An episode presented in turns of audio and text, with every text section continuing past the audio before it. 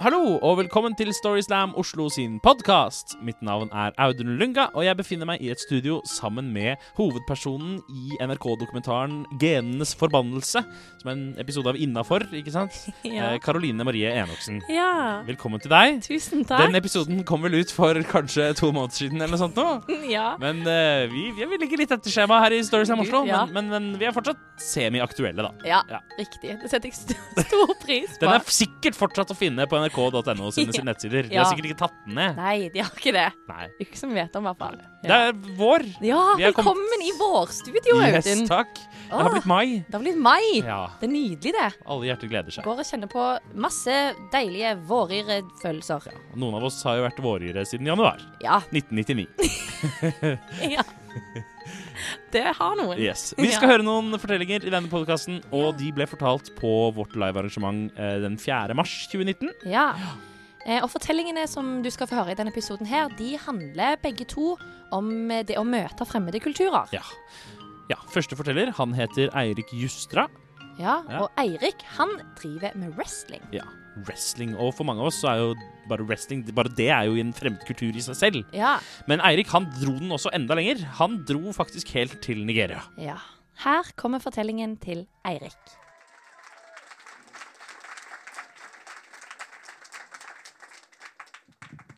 Jeg har drevet med wrestling siden, jeg var, siden 2007. Wrestling, ikke sant? Meg i hotpants og svære støvler som hopper på andre svette menn. Kan jo se dere for dere.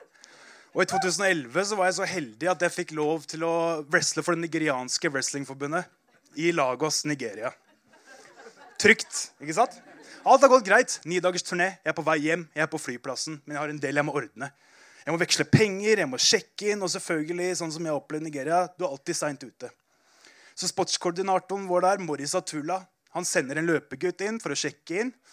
Jeg går for å veksle penger. Eneste problemet er jeg har to bæreposer fulle av nigerianske naira. Så det er et sånt lite sånt problem når jeg kommer fram og sier jeg skal veksle alt det her. Hun dama bare ser på meg og sier skjer ikke. Sorry. Men jeg må veksle de pengene her. For du får ikke veksla det på Forex her på Oslo S. Ikke sant? Det er ingen som vil ha nigeriansk naira. Så jeg sier til Morris, Morris, hva skal jeg gjøre? Han begynner bare sånn Oh no. Oh no, no, Erik. Oh no. Oh no. Så sier jeg det hjelper ikke å bare si det, Morris. Vi har dårlig tid. Hva skal jeg gjøre? Ok, ok. We have to go to the black market. Hva var det du sa nå? The black market. Svartemarkedet i Lagos, Nigeria. En av verdens minst trygge byer. Ja, dette har jeg lyst til å gjøre. Men jeg er desperat, så jeg sier greit, har vi ikke noe valg, så må jeg gjøre det. Så vi begynner å gå ut av flyplassen, og vi går omtrent 15 minutter før vi kommer fram til det som ser ut som et marked. Det eneste som bekymrer meg, er at vi er i ferd med å begå kriminalitet. Men Morris sa nei, det er bare litt kriminalitet. Det er ikke, det er ikke så ille. Men det står en politimann med hver 50 meter med en AK-47. Så åssen skal jeg få det her til å ikke se sketsjy ut med to bæreposer fulle av penger? Nei, Jeg vet ikke. Jeg tenker vi bare går forbi, men kanskje Morris har en plan. Morris går rett opp til politimannen så sier han, hei. Jeg er Morris Atula. Jeg jobber for guvernør Babatunde Raji Fawashala. Og han fyren der han er en wrestling superstar! Så sier han, du skal hjelpe oss med å veksle penger nå! Er det én person du ikke går opp til og sier nå skal vi begå kriminalitet, så er det en politimann. Så politimannen bare ler og ser på meg, så sier han 'follow me'. Yes, Nigeriansk fengsel, tenker jeg. Det blir deilig. Det høres kanskje bedre ut enn det er. Jeg vet ikke, Men jeg bare følger etter han. etter ikke akkurat gjøre noe motstand. Så vi går i to minutter før han stopper på markedet. Så ser han på en fyr, så sier han 'jo, kom her'. Fyren kommer bort, og så sier han til min store forbauselse 'Du skal veksle pengene hans nå'. Jeg står der i stillhet og tenker jeg er helt maktesløs nå. Jeg tør ikke å røre meg engang. Jeg tør ikke å si noe. Jeg bare står her. Fyren later som han ikke vet hva han snakker om. Jeg veksler ikke penger. jeg driver med ikke sånt jeg. Så sier han 'Jeg har tatt deg før i å veksle penger, så veksl pengene hans nå'. Fyren sier da bare 'OK, follow me'. Så vi går ut på en parkeringsplass, og så plutselig bare sier han 'Step into my office'. Da tenker jeg at det smeller. Men kontoret hans er da rett og slett en benk foran bagasjerommet på en bil. Åpen himmel, friluft.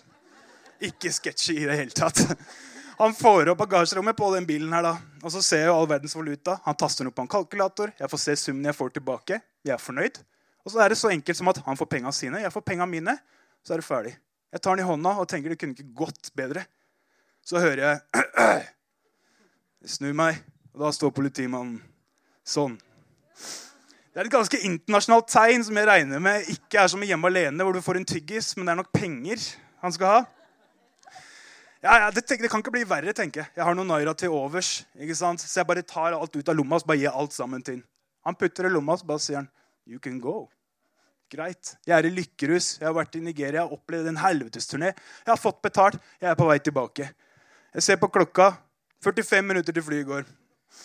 Og jeg er ikke på flyplassen engang. Så jeg sier Morris, flyet går om 45 minutter. Så han bare Oh no! Oh no! Run! Erik, run!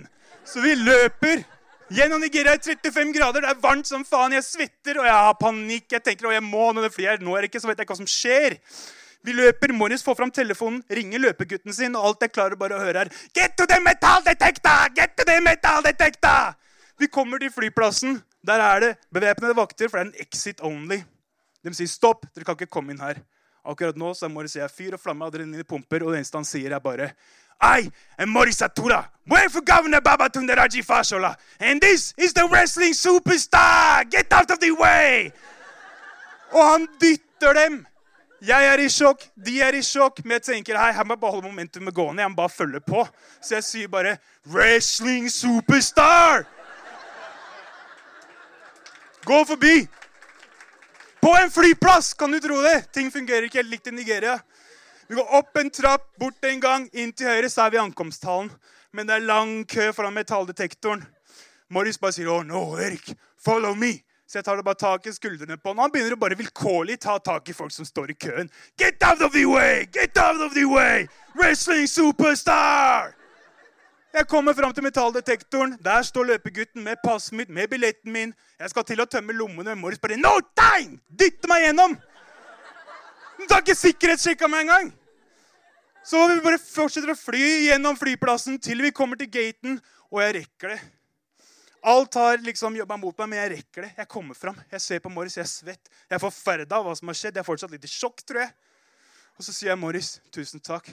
Han bare ser på meg og bare Å, Erik. Jeg håper du har hatt det fint, og jeg håper du har lyst til å komme tilbake. Og av den fyren der og det jeg har opplevd, så er det litt rart å si, men jeg har faktisk det. Takk for meg.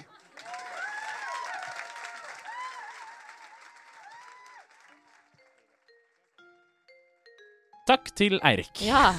For et eventyr. Yes. Ja. Neste fortelling eh, den handler òg om det å møte en fremmedkultur. Mm. Her kommer eh, historien til Yaya Nayafisada om da han kom til Norge.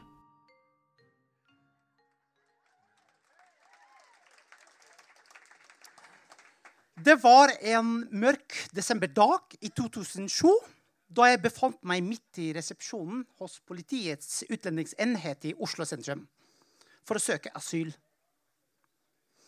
Politiet har bedt meg om å gi fingeravtrykk. Og så spurte de meg en del spørsmål, bl.a. om hvor jeg kom fra. Afghanistan. Så spurte de om hvordan jeg kom til Norge. Jeg beskrev min reiserute og fortalte dem at jeg kom ved hjelp av menneskesmuglere til Norge. Politiet har videre spurt meg om hvorfor jeg måtte forlate Afghanistan. Og hvorfor valgte jeg Norge? Da fortalte jeg dem at jeg jobbet som journalist hos Nato-styrkene i Afghanistan og fikk problem, og ekstremister skulle straffe meg. Derfor måtte jeg flykte fra Afghanistan. Og Norge Jeg har en tante og en fetter som bodde her i ca. 20 år siden. Derfor valgte jeg Norge. Etter at jeg besvarte en del slike spørsmål, så ble jeg sendt til et rom på baksiden av resepsjonen. Et venterom på ca. 20 kvadratmeter. Det var noen stoler inni det rommet. Og så var det et, stor, et, et bord i et hjørne av rommet med noen brødskiver og syltetøy oppå. Noe jeg trodde at dette er et sånn tradisjonelt norsk delikatesse. Rommet var fylt av asylsøkere, og det var ingen ledig stol. Jeg satte meg ned på gulvet og ventet på å se hva som skjer videre. Etter noen timer så kom en politimann og ropte på meg og en del andre asylsøkere. Nå må dere forberede dere for å få rommene deres. Jeg, tenkte jøss! Etter en lang reisevei endelig kommer jeg til å få mitt eget rom i et sånn femstjerne norsk hotell.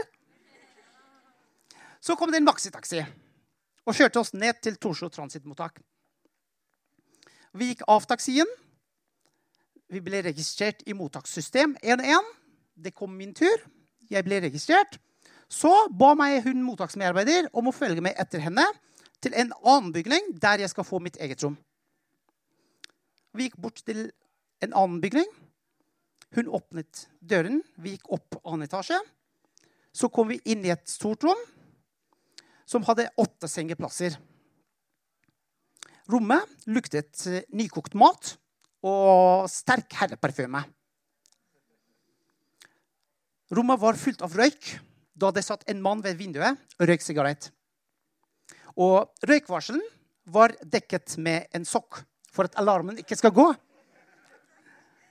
Det var et bord i midten av rommet som var skitten og ikke ble rengjort på flere uker. Og det var åtte sengeplasser inni det rommet. Hun, hun sa 'velkommen til rommet ditt'. Jeg kom fra ganske privilegerte forhold i Afghanistan og er vant til å ha det rent og pent rundt meg. Og jeg trodde at slik skal det være i Norge også. Så tenkte jeg å protestere og takke nei til det. Men tenkte jeg, har jeg en annen valg enn, å, enn dette? Da latet jeg som at dette er et sånn midlertidig mm, tilbud. Jeg kommer snart til å få mitt eh, eh brev, vedtak om oppholdstillatelse. Så takket jeg ja til det. Etter noen dager så kom det et brev. Idet jeg så brevet, jeg ble glad og tenkte oi, hvor effektivt norske asylmyndighetene er. Jeg fikk oppholdstillatelse i bare tre dager. Jeg gikk ned til resepsjonen for å be hun mottaksmedarbeider om å eh, oversette dette til meg og forklare hva slags rettigheter og plikter jeg har overfor det nye landet mitt. Idet hun så på brevet uten å lese, uten å åpne den, hun fortalte meg at det er informasjon som sier at du må vaske mottaket. Jeg spurte henne vet du ikke hvem jeg er. Hun sa jo, du er en asylsøker og bor i dette mottaket. Eh, det er din tur. Du må vaske mottaket. Da ble jeg sint. Jeg sa, ser du ikke på skjermen din? Jeg er en journalist. Og en journalist vasker ikke i hele tatt. I Afghanistan var det slik at moren min hadde ansvar for huset. Og på jobb var det vaskepersonal som, eh, som rengjørte kontoret.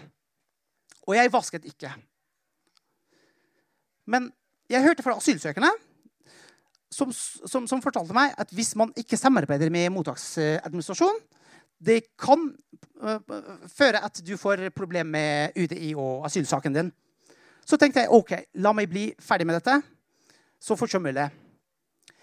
Dagen etter jeg fikk informasjon om bøttekott og begynte å vaske. Som sagt, jeg vasket aldri før. Men jeg har sett at folk i Afghanistan vasket på følgende måte.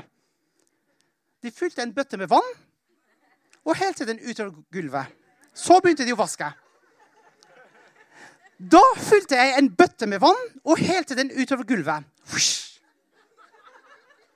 Jeg begynte å vaske. Så kom hun mottaksmedarbeider. Idet hun så at gulvet var fylt med vann, hun ble sint. og litt sånn. Men da skjønte hun plutselig at nei, jeg visste ikke hvordan det vaskes. Da lærte hun meg uh, måte det vaskes. Det var en ny opplevelse. Jeg lærte noe nytt.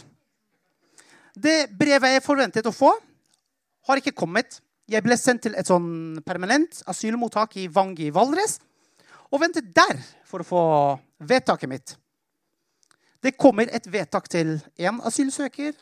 En andre får oppholdstillatelse. Afghaner, kurder, somalier. Men det brevet jeg forventet å få, kommer aldri. Det gikk to år. Jeg fikk ikke oppholdstillatelse. Da tenkte jeg hva må jeg gjøre nå? Jeg kontaktet noen venner i Oslo. Så fikk jeg telefon fra en venn som har sagt at han har funnet en arbeidsgiver som kan tilby meg jobb. Jeg ble så glad. Forberedte meg til jobbintervju. Googlet litt om eh, jobbintervjuteknikk. Tok bussen til Oslo og møtte arbeidsgiveren. Jeg trodde at det kan være Aftenposten eller VG. Intervjuet gikk kjempebra. Han mannen var veldig glad, eh, ve veldig hyggelig. Så plutselig spurte han om jeg kan vaske. Da skjønte jeg at det er en vaskejobb. Og jeg svarte ja, selvfølgelig. Jeg kan vaske!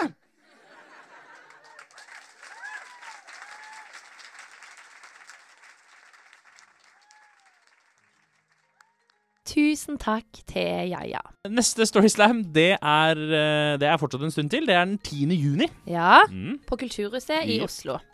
Eh, altså vår live fortellerkonkurranse. Mm. Billetter ligger ute på Tikkio. Ja. Event ligger på Facebook. Eh, og så er det lurt å følge oss på Facebook òg, fordi vi har noen andre løgne stunts Mm. og shows. Jeg skulle veldig gjerne ha oversatt hva ordene 'løgne stunts' betyr fra rogalandsk til vanlig språk, men det kan jeg bare ikke hjelpe dere med. Nei, det skjer mye fete Ja. greier. Så følg med. Følg oss på diverse sosiale medier. Ja. Og følg denne podkasten som kommer ut med ujevne mellomrom, og ha en fortsatt strålende vår. Ja, god vår. Hurra!